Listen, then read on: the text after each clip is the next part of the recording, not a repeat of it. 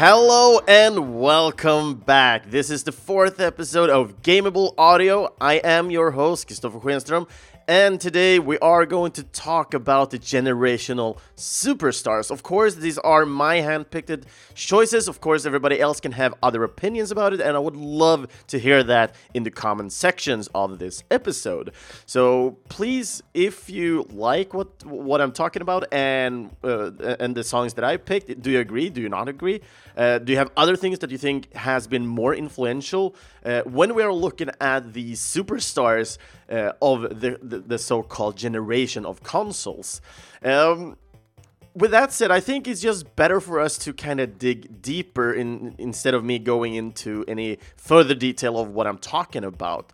So first one out is, going to be a pretty special one because I don't think a lot of people will agree on me initially on this, but we'll, I, I will I will pull my arguments right after we listen to this song. So first song out for this week of Gameable Audio is Super Mario Brothers Underground Theme.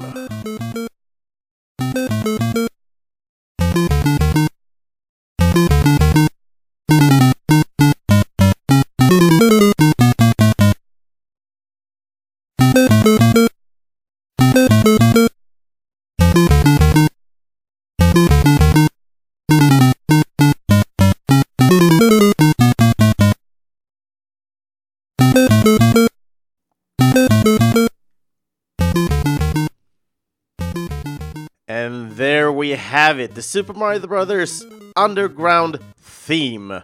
And of course, a lot of people might already be like, what the hell, Chris? This is hardly a song, uh, and so on.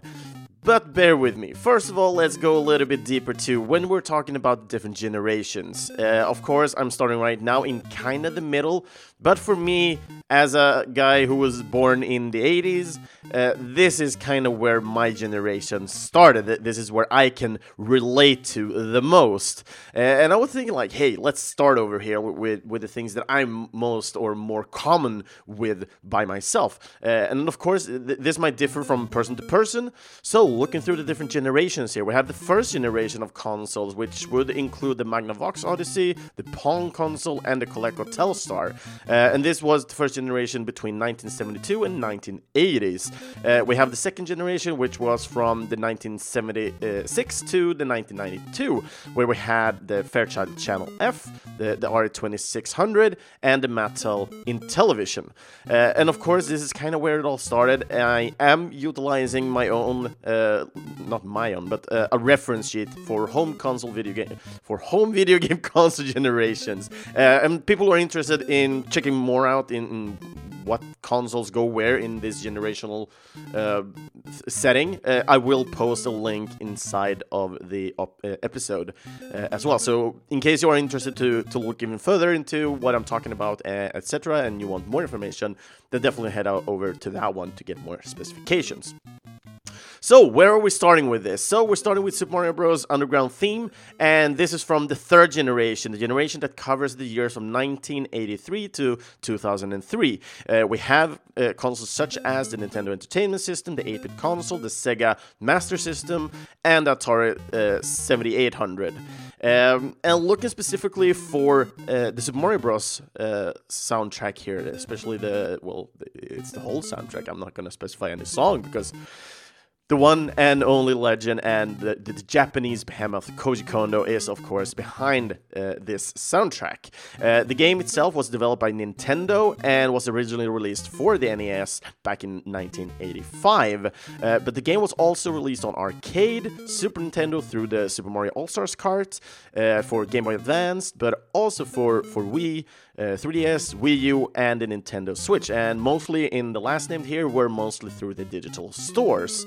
Um, so when, when I'm I'm looking at or listening to the Super Mario Brothers and thinking about the uh, what it kind of influenced uh, and so on. Of course, a lot of people uh, would deem like the first 1 1 song from the Super Mario Brothers would be the more iconic one, but do bear in mind, this is also a song that has been going on for like forever. It's like in every, just like Zelda games, there, there there's this one tune that's in every kind of game, or, or, or a majority of them at least. Uh, it feels like we really know that one, but it's, it's all due to the fact that we, we kind of have this uh, continuously coming in game in each game. We always have the reference to them, of course. So I would kind of deem and argue that hey, this is not influential. This is just something we are learning over time anyway. That's why we can relate to it so much better. Uh, but when when we're, when we're trying to think about this one one song, boom, dun dun dun dun. Uh, then it's then it's usually like not everybody can. We all kind of know it, but one of the things that I'm always thinking about when when when thinking about hey, can you name like a, an early Super Mario Brothers uh, song? And I always tend to go to the underground theme.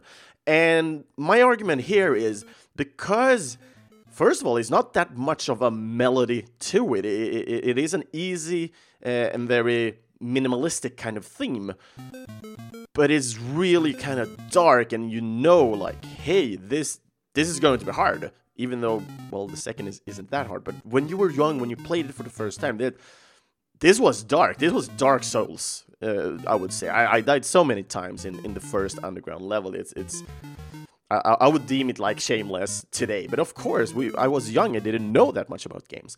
Um, so, so this is the reason why I would argue like if we're looking for influential themes that kind of did something that I think sparked more life into either a franchise or more music to come, I would deem that the, the underground theme for the Super Mario Brothers is so much more influential than the 1 1 due to the fact that it kind of continued throughout the series.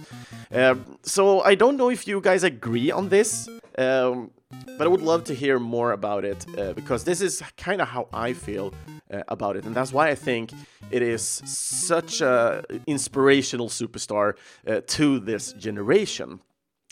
Uh, and, and, when we're looking and, and, talking about the music from Super Nintendo, we, we're still going to continue to talk a little bit about Koji as well. Uh, he's a man uh, of much talent, and with so many years inside of this business, he he surely have developed like a very specific style.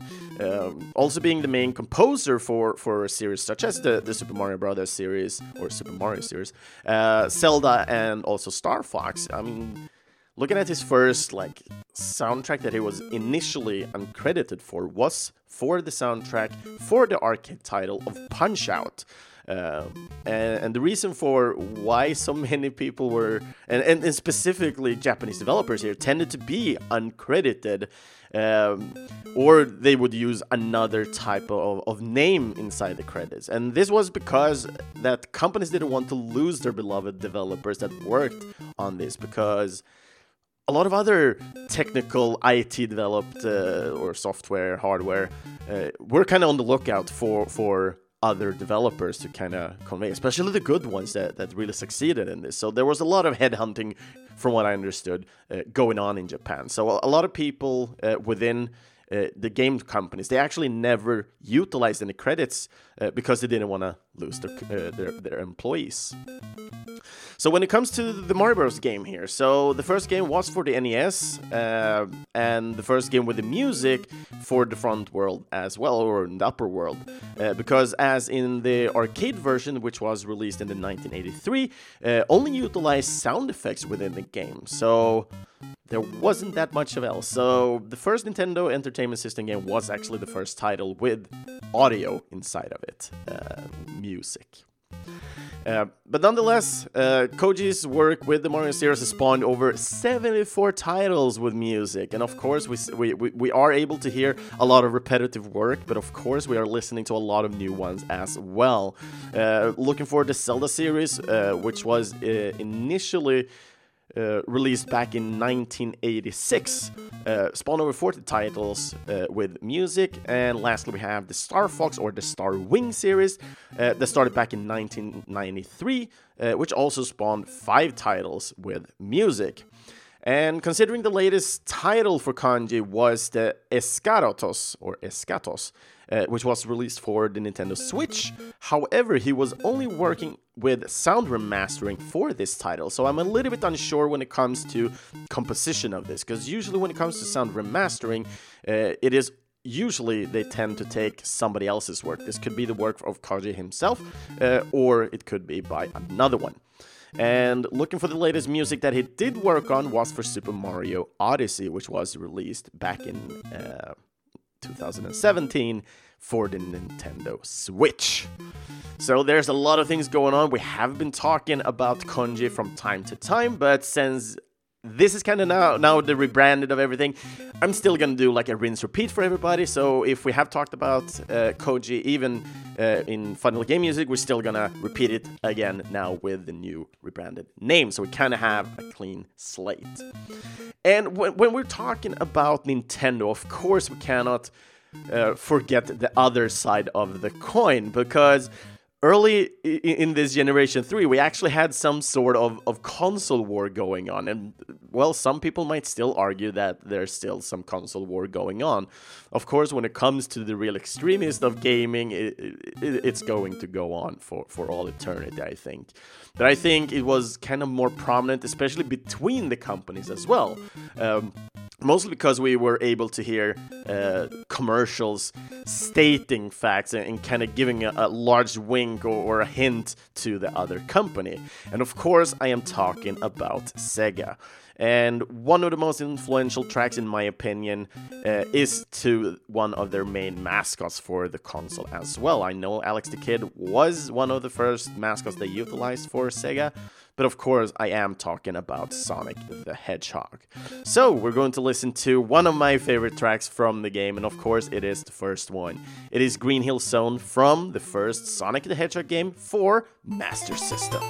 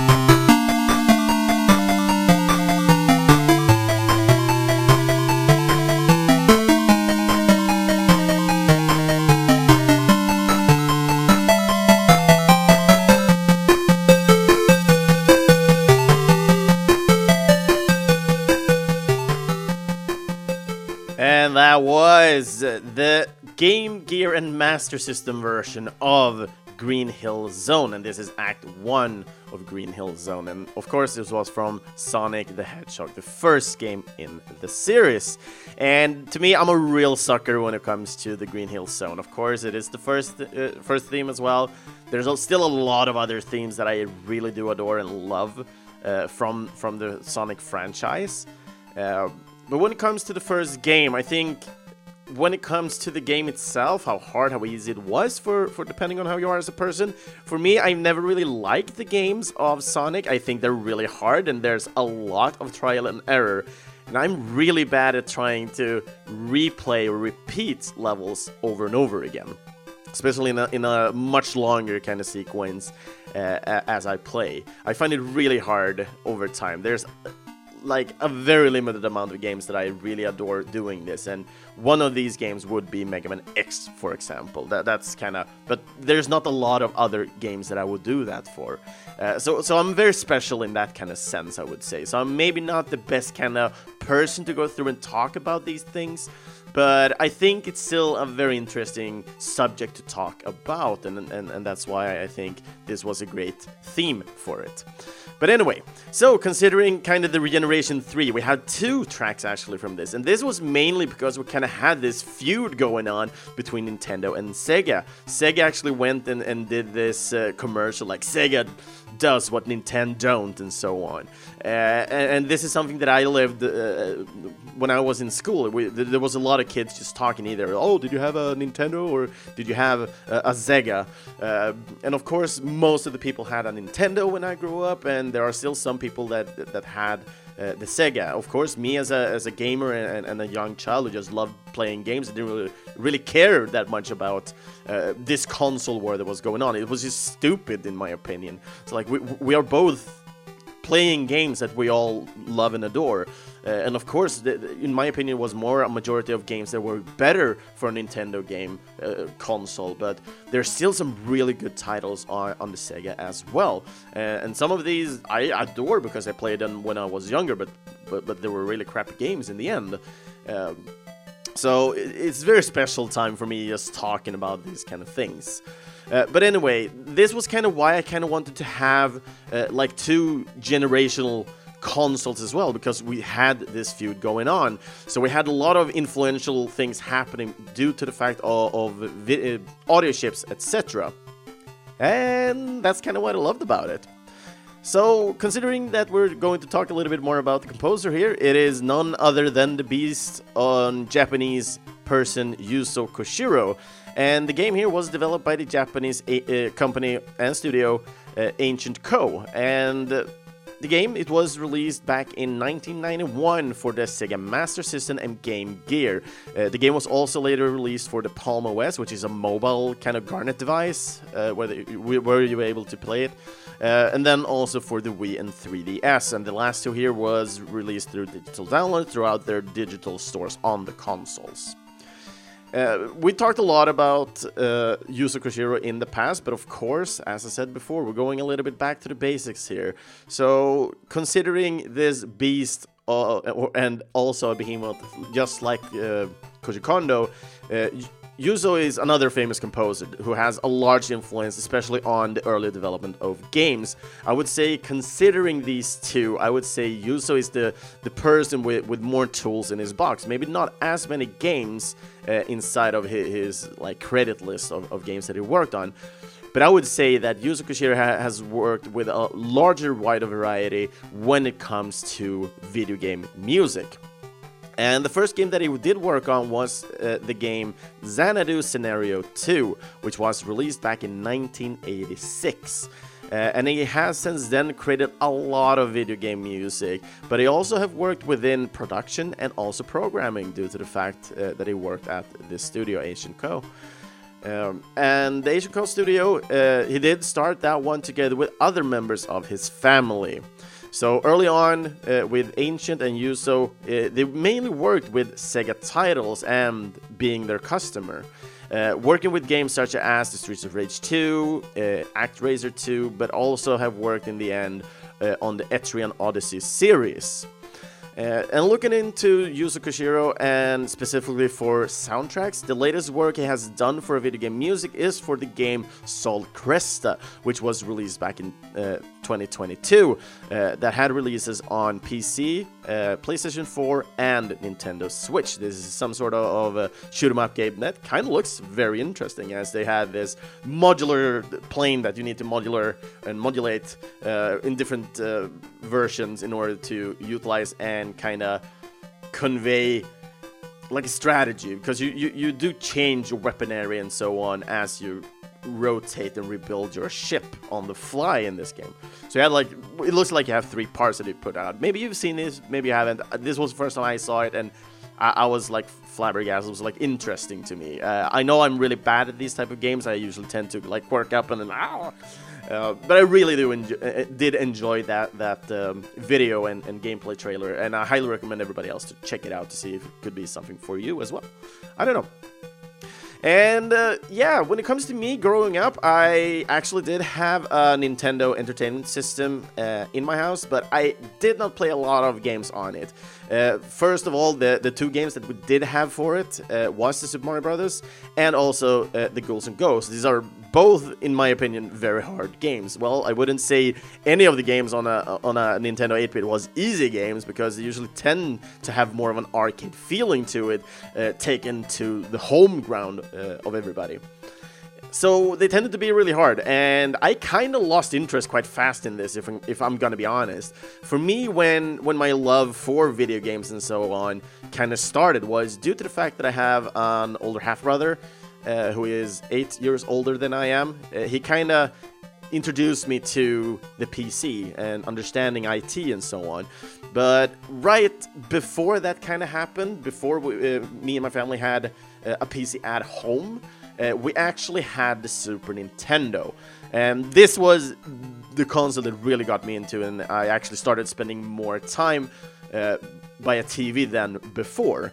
Uh, because on the NES, it was so hard. It wasn't. I didn't have that much fun with it. Uh, so I kind of like, fuck this. I, I want to go outside instead and, and hang out with my friends. And uh, I don't remember even having to co control, so we were only playing one person, and of course, only Super Mario Brothers had a two-player mode. So, yeah, and sometimes I went to go and rent some games. I don't remember if, how many games we kind of rented. Uh, I have some some memories of playing different kind of Kid Icarus and so on, but th these are the games I think most likely were games my friends had, not that I rented. But one game I did remember that I rented was the MC Kids, the McDonald's game, and uh, yeah, yeah, it was a horrible game. It wasn't that much fun. It was hard to understand because it's Nintendo Entertainment System. You usually read most of the things in the manuals in order to kind of get past uh, if there were any kind of puzzling going on. And of course, young, don't understand that much English, uh, growing up in Sweden. Uh, it's really hard. It's really, really hard. So for me, as I moved kind of away from Nintendo Entertainment System, started playing Super Nintendo, having a great time there. Didn't really still read that much, but going into PC later was the bliss. I'm still considering myself some sort of PC master race, but I'm still having a great time playing the other consoles and so on, especially for the Super Nintendo. Uh, but I kind of want to bring the next generation in, and I've selected, of course, uh, PC uh, is older than Generation 4, but the song that I've decided to go with comes from this generation. That's why I think it is a, a suitable kind of generational shift here, going from Generation 3 to Generation 4. So we're going to listen to Full Tilt Pinball Space Cadet main theme.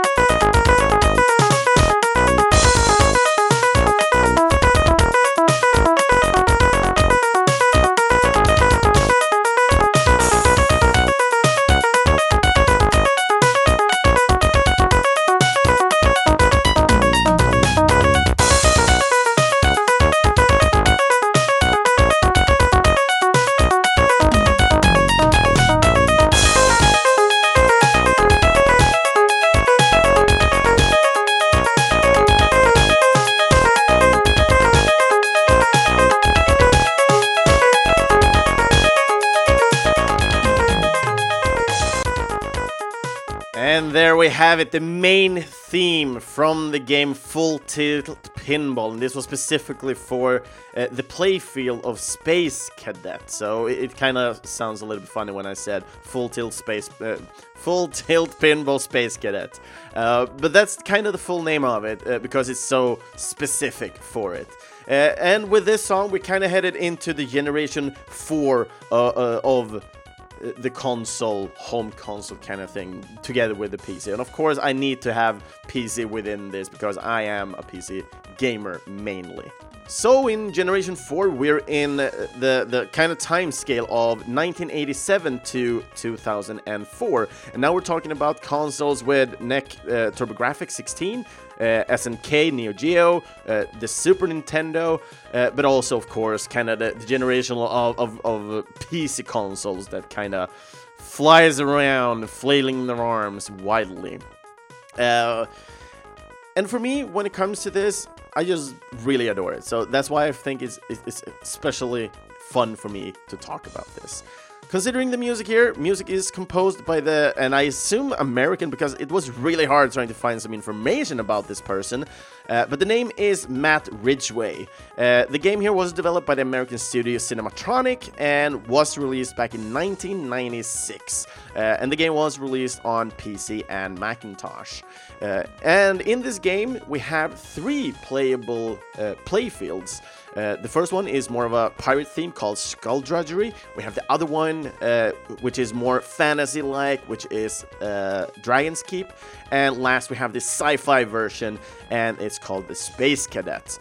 Uh, and talking about the Space Cadet, where we listen to this main theme from, um, it is uh, not always and only known for being in this uh, pinball bundle game, uh, as most of us might know this game more like the 3D Pinball Space Cadet, as it was packaged as just that playfield bundle for uh, the Windows 95 NT, uh, Windows NT uh, 4.0, uh, Windows 2000, Windows ME, and lastly Windows XP.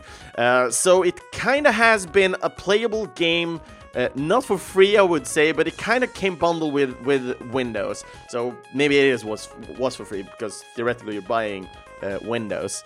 But anyway, for for a lot of people, we've e e either played like uh, that that minefield game, uh, we played some solitaire or, or some some other type of, of card game.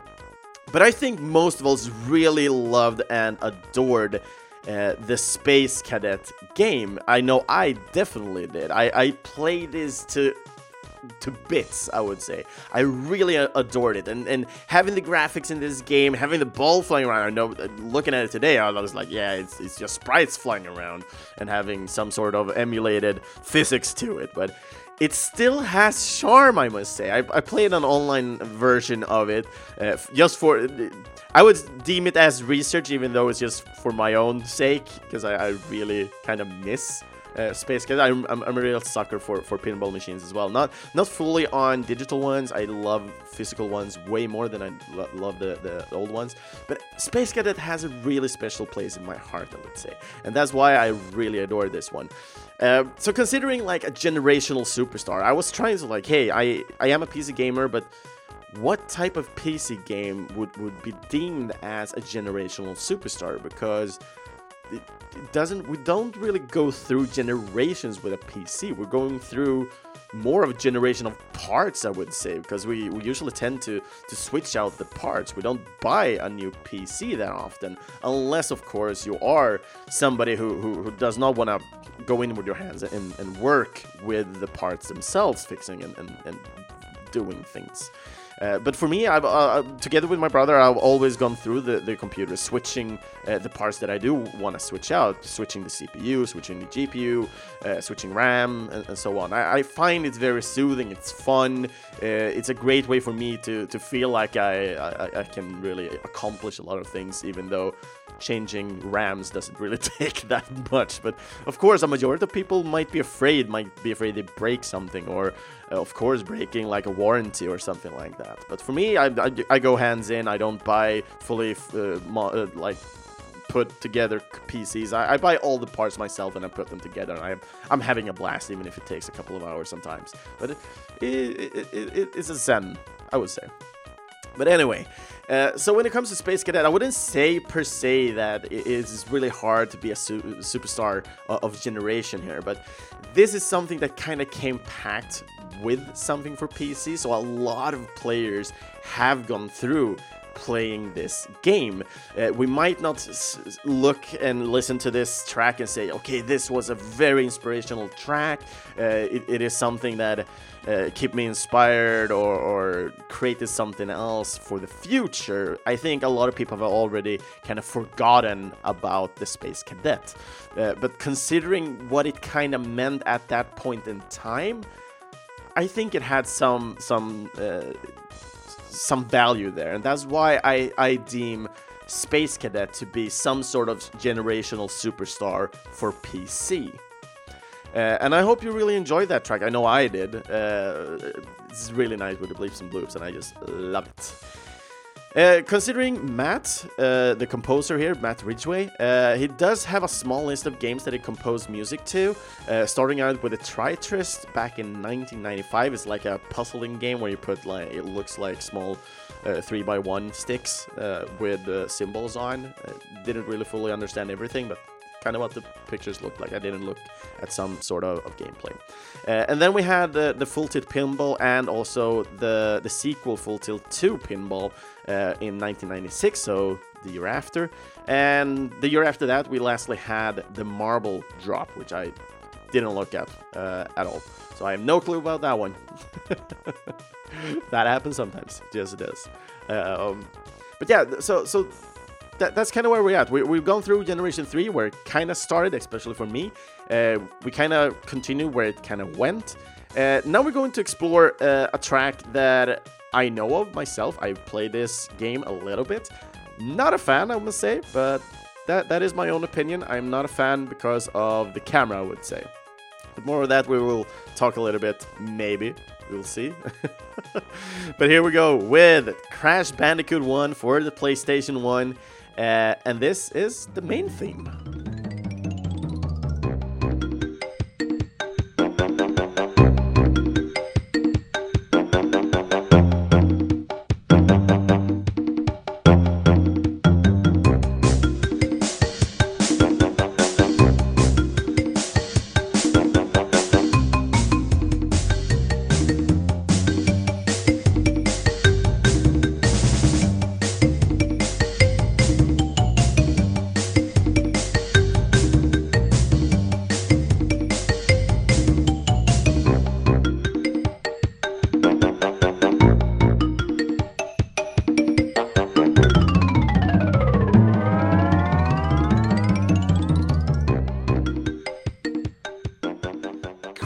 Bandicoot 1 and the main theme of the game. And I know a lot of people kind of vibe to this one. I, I know a lot of people do love this one. Uh, so yeah, I think this is a great kind of tune talking about generational superstars. Uh, when it comes to Crash Bandicoot and the PlayStation, it feels like Crash Bandicoot is one of those like main uh, mascots for the console people do think about. I've, I've heard about this so many times. Uh, people talking about loving uh, the Crash Bandicoot series. I myself find it harder. But it, it, is me. I'm I'm not a good gamer when it comes to platforming in 3D. It, I, I can just have it that said. It it really rubs me the wrong way. It usually tend to does. There are some games that I really do adore, but they are very limited in what they are and, and which games they are. Uh, but, Crash Bandicoot 1, it has a lot of charm to it. The, the music, nonetheless, I mean, the music is really nice, I must say. Uh, and I really adore it myself as well. I, have heard a lot of different remixes of these as well, uh, and they come with a lot of heart, I would say, in the end. Uh, they're playful as well, which makes it even better. So, considering from the Generation 5 that spans over the course of time of 1993 to uh, 2006, so it kind of overlays kind of a lot uh, together with Generation 4 here. But when we're talking about the Generation 5, we're talking about, uh, of course, the PlayStation, but we're talking about the Sega Saturn, but also the N Nintendo 64. Uh, so that's kind of where we're at, uh, considering consoles as well, kind of when they released and kind of when they discontinued, not discontinued fully, but kind of started to take off when the other generation kind of take.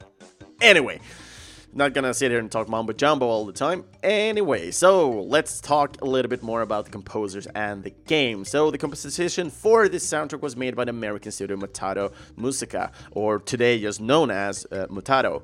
Uh, and there were two American composers for this one, Mark Mother Mothersbaugh and Josh Mancell. So, sorry, Mark, if you're listening. It was not not my intention of, of butchering that name. Um, Considering the game, it was developed by the American studio Naughty Dog and was released on the 9th September 1997 on the PlayStation 1. Uh, the game was later reported or re-released on the PSP and PS3. Uh, in, in 2007. This was, of course, the, the digital downloads from the stores. Uh, the game was also uh, released on Android back in 2011, and lastly on the PS Vita back in 2012. It feels like it was yesterday with the PS Vita, but apparently it's 10 years. It's, it's more than 10 years, people. Time sure flies. That's that's all I, will say. Uh, the game was also included into the, the N. Sane Trilogy, which released not so long ago. Oh, wait, it's longer ago. It was released for the Switch, uh, the PS4, the Xbox One, and the PC back in 2017 and 18. It's five years ago, people. It's five years. yeah, time sure flies. So, considering like each and every uh, composer here, so Mark uh, is another guy we've been talking a little bit here and there uh, about, and this is a man with a lot of strings on his guitar, I would say, uh, because first and foremost he is a musician, uh, best known from his work and part in the band of Devo. Uh, he have all over his years as a composer worked on game series such as Crash Bandicoot, Jak and Daxter, and also the Sim series, and there's a lot of credits for the the Sims. Uh, especially the second one. Well, mainly the second one, I, I would say. Uh, but considering the first of his works in the video game music were for the game Sewer Shark, which was released for the Mega CD back in 1992. And in this game, he it did only compose the this tunnel music. Uh, don't know exactly how it sounds or how long it is uh, as a, as a track. But but that's the first track that he did. Uh, and the last game that he did work on was for Ratchet and Clank Rift Apart, uh, that was released back in uh, 2021. Uh, considering Mark's counterpart and friend Josh, uh, he have not worked as much as it seems that he works mainly with commercial and film at the, the audio studio because they are covering like a lot of things. It's not just video game music for uh, uh. Uh, but uh, the games that it that that they have worked on started back with the first Crash Bandicoot game. So what we listened to was the first soundtrack that he did. Uh, he also uh, co-worked on soundtracks for the gun-blazing car game uh, Interstate 82, which is a game I really adored when I was younger. I didn't play it that much, but I really have a lot of fond memories just putting on really cool cars, some some weapons, and then you just drive around in in like Sahara Desert and shoot at each other. Uh, it was very like sandy vibes to it, but I really uh, adored to have fun memories at least. Uh, and that one was uh, uh, released in 1999. Uh, and then we have the Jak and Daxter series, uh, but also last uh, reworked and remastered their own work for both uh, the Crash Bandicoot N. Sane trilogy, but also Crash Team Racing. Uh, so yeah, those are the the, the Mutato people, uh, and what we were going to talk about the Crash Bandicoot.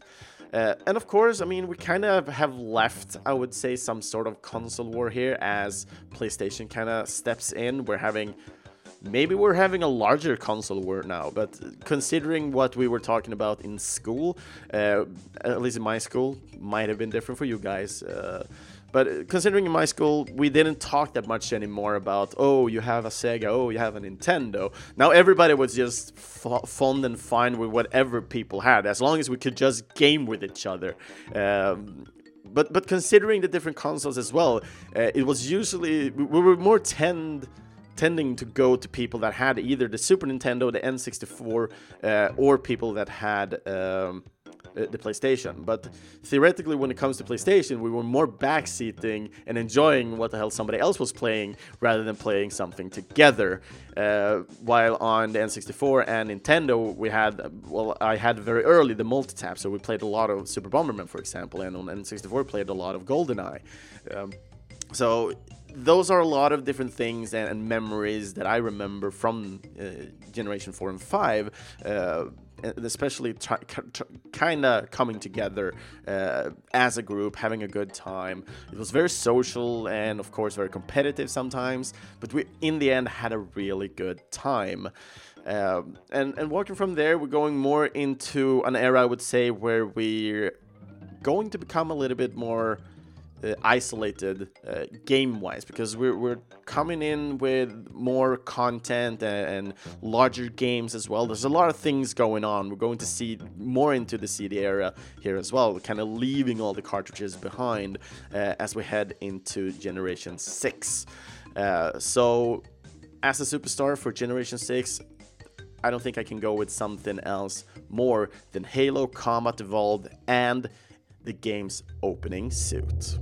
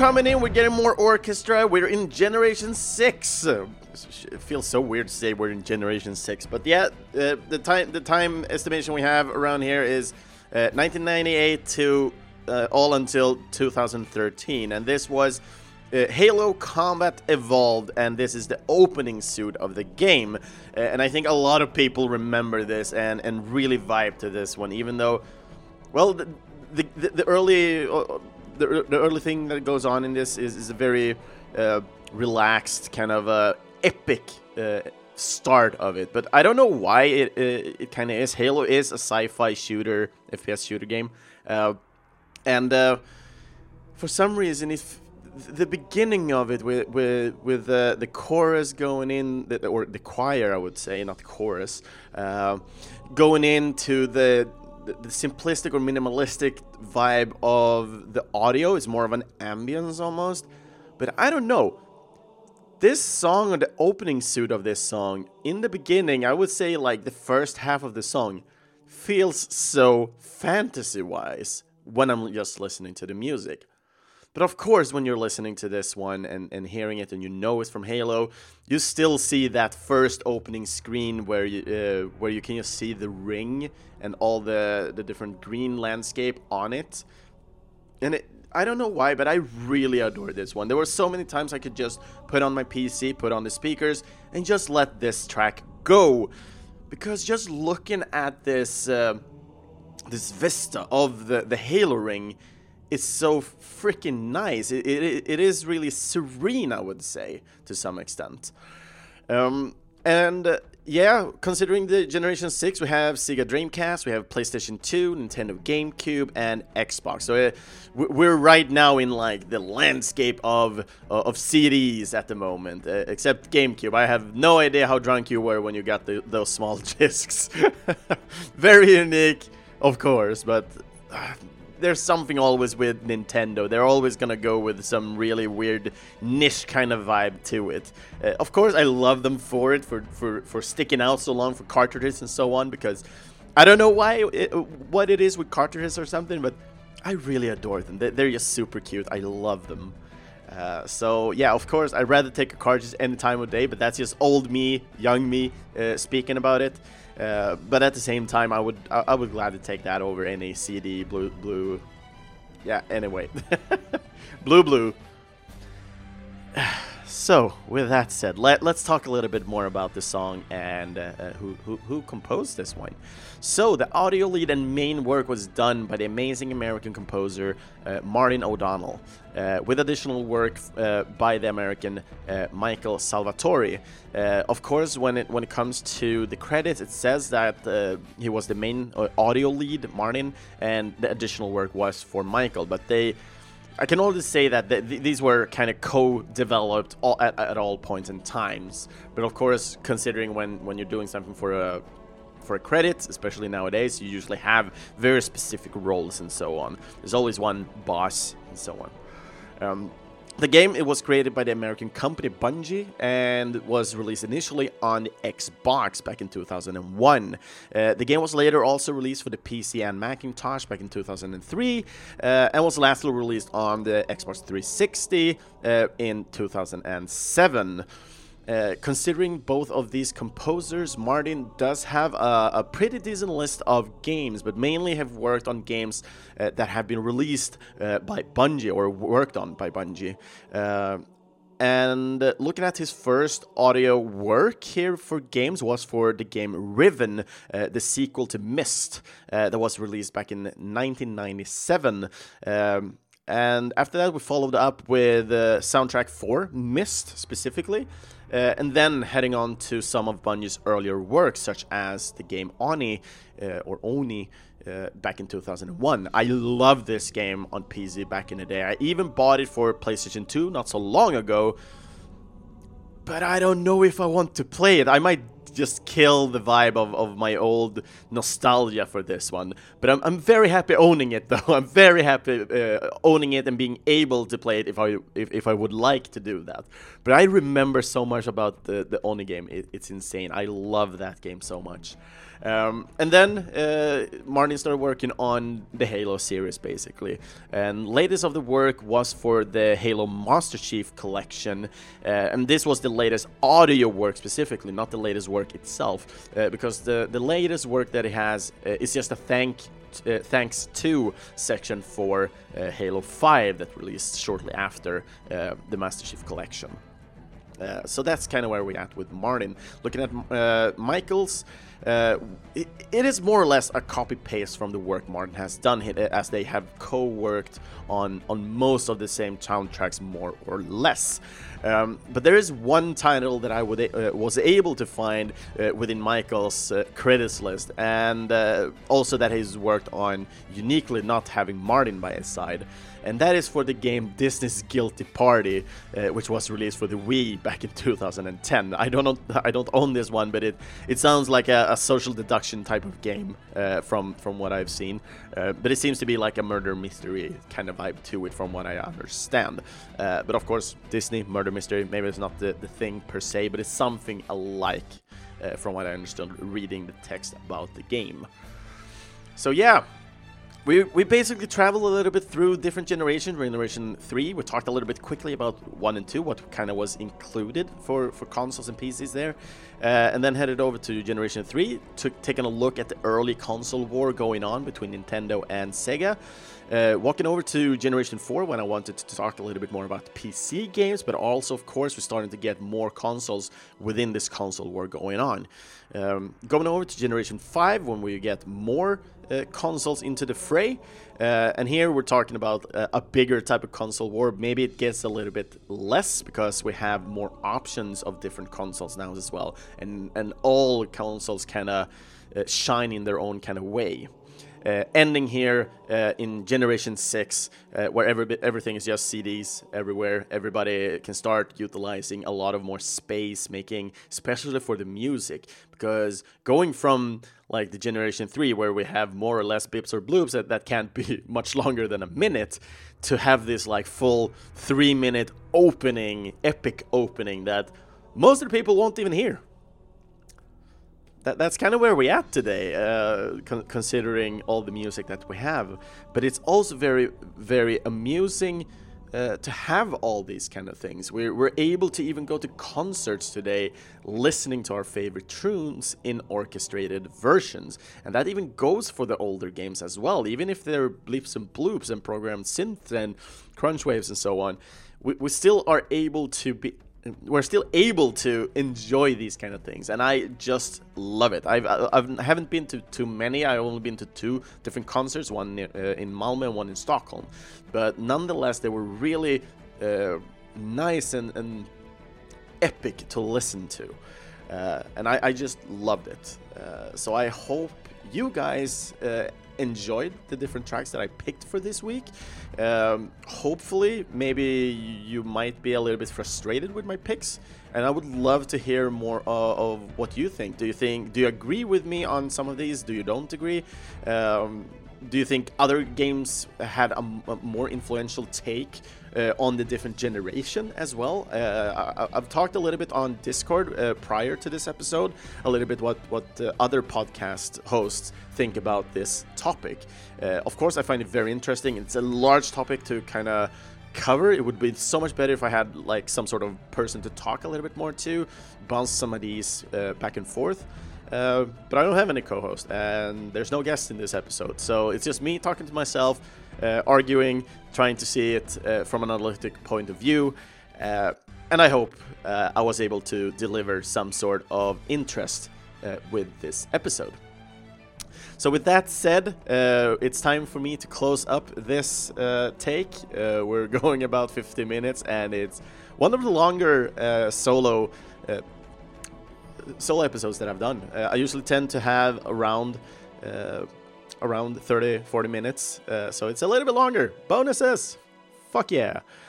But anyway, time to close this up. So, other episodes of Gameable Audio, you will be able to find those at our homepage, videospelsklubben.se. Uh, you can find us on Spotify or in your closest podcast app. If there's any app out there that we do not exist on, uh, please inform me so I can check out how we can get there as well. Uh, feel free to follow and comment on one of our social medias, either on Facebook or Instagram. You search for Gameable Audio and you'll find us there. And it's helpful for us uh, in order to to spread the word of the podcast and the video game music. So the more people we can get into this, the more uh, of us can create uh, an amazing community, talk about the music and the composers that we all love. Uh, but for you who wants to do a little bit extra, we recently also had a giveaway for the OST for Wavetale. So if you're interested in other loot that might be distributed from the, the, the guesting composers or artists that we get, uh, get to the podcast, uh, then you can also support this podcast and uh, for future content uh, and quality upgrades, of course, but also in the end, future composers. You can read more about that on our Patreon page. So please consider to become a Patreon the, the, the, smallest tier that you can get is for for uh, one dollar a month, uh, and it helps a lot. Uh, especially me uh, purchasing all the music that I am able to purchase for this. We're here together. We are here to support the composers as best, uh, well, to the best of our, our, our situations, of course. Um, so yeah, and uh, yeah, uh, uh, as usual, by the end of each episode, no matter which tier you are uh, on Patreon, we're all I'm always gonna give you a shout out. So uh, some of our current, not some, but all of our current awesome backers that we have today is Daniel Onemark, Lars Schenström, Titti Schenström, Kevin Wikström. Congratulations and thank you so much for for. Uh, giving me a Patreon as well, joining in, and also a big welcome and thank you to Mike Björkholm as well. Uh, so yeah, big thank you to everybody who's supporting the podcast uh, and the work that I do for it. Uh, links to where you can either buy or support the composers behind the music that we'll listen to today will be found in our main post at videospelsklubben.se. Uh, currently, I'm still trying to figure out a little bit more of timing and everything, uh, together with uh, a lot of even bigger but also smaller composers uh, that I'm, I'm, planning to get into the podcast. Um, I haven't been able to uh, verify any dates yet for it, so the next theme is going to be uh, like a custom theme again. So we're going with shop themes this time, uh, and here I would like to to because I'm I'm a little bit unsure when it comes to, to shop themes. I know I love them usually, um, so for for people that has a larger variety of type of games that I usually don't play, I would love if you can share those in the comment sections below as well, because I would love to get a larger variety, so I'm not just stuck with the the, type of games that I usually tend to to go to or play. Um, I want to be more more in a variety here, so I would love if you guys who are listening to this podcast will come in and support me on this one.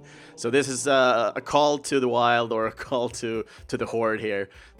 Uh, so let's come together. Let's make an amazing episode together on the theme of shop themes. Uh, and with that said, uh, take care, everybody, and see you all guys next time.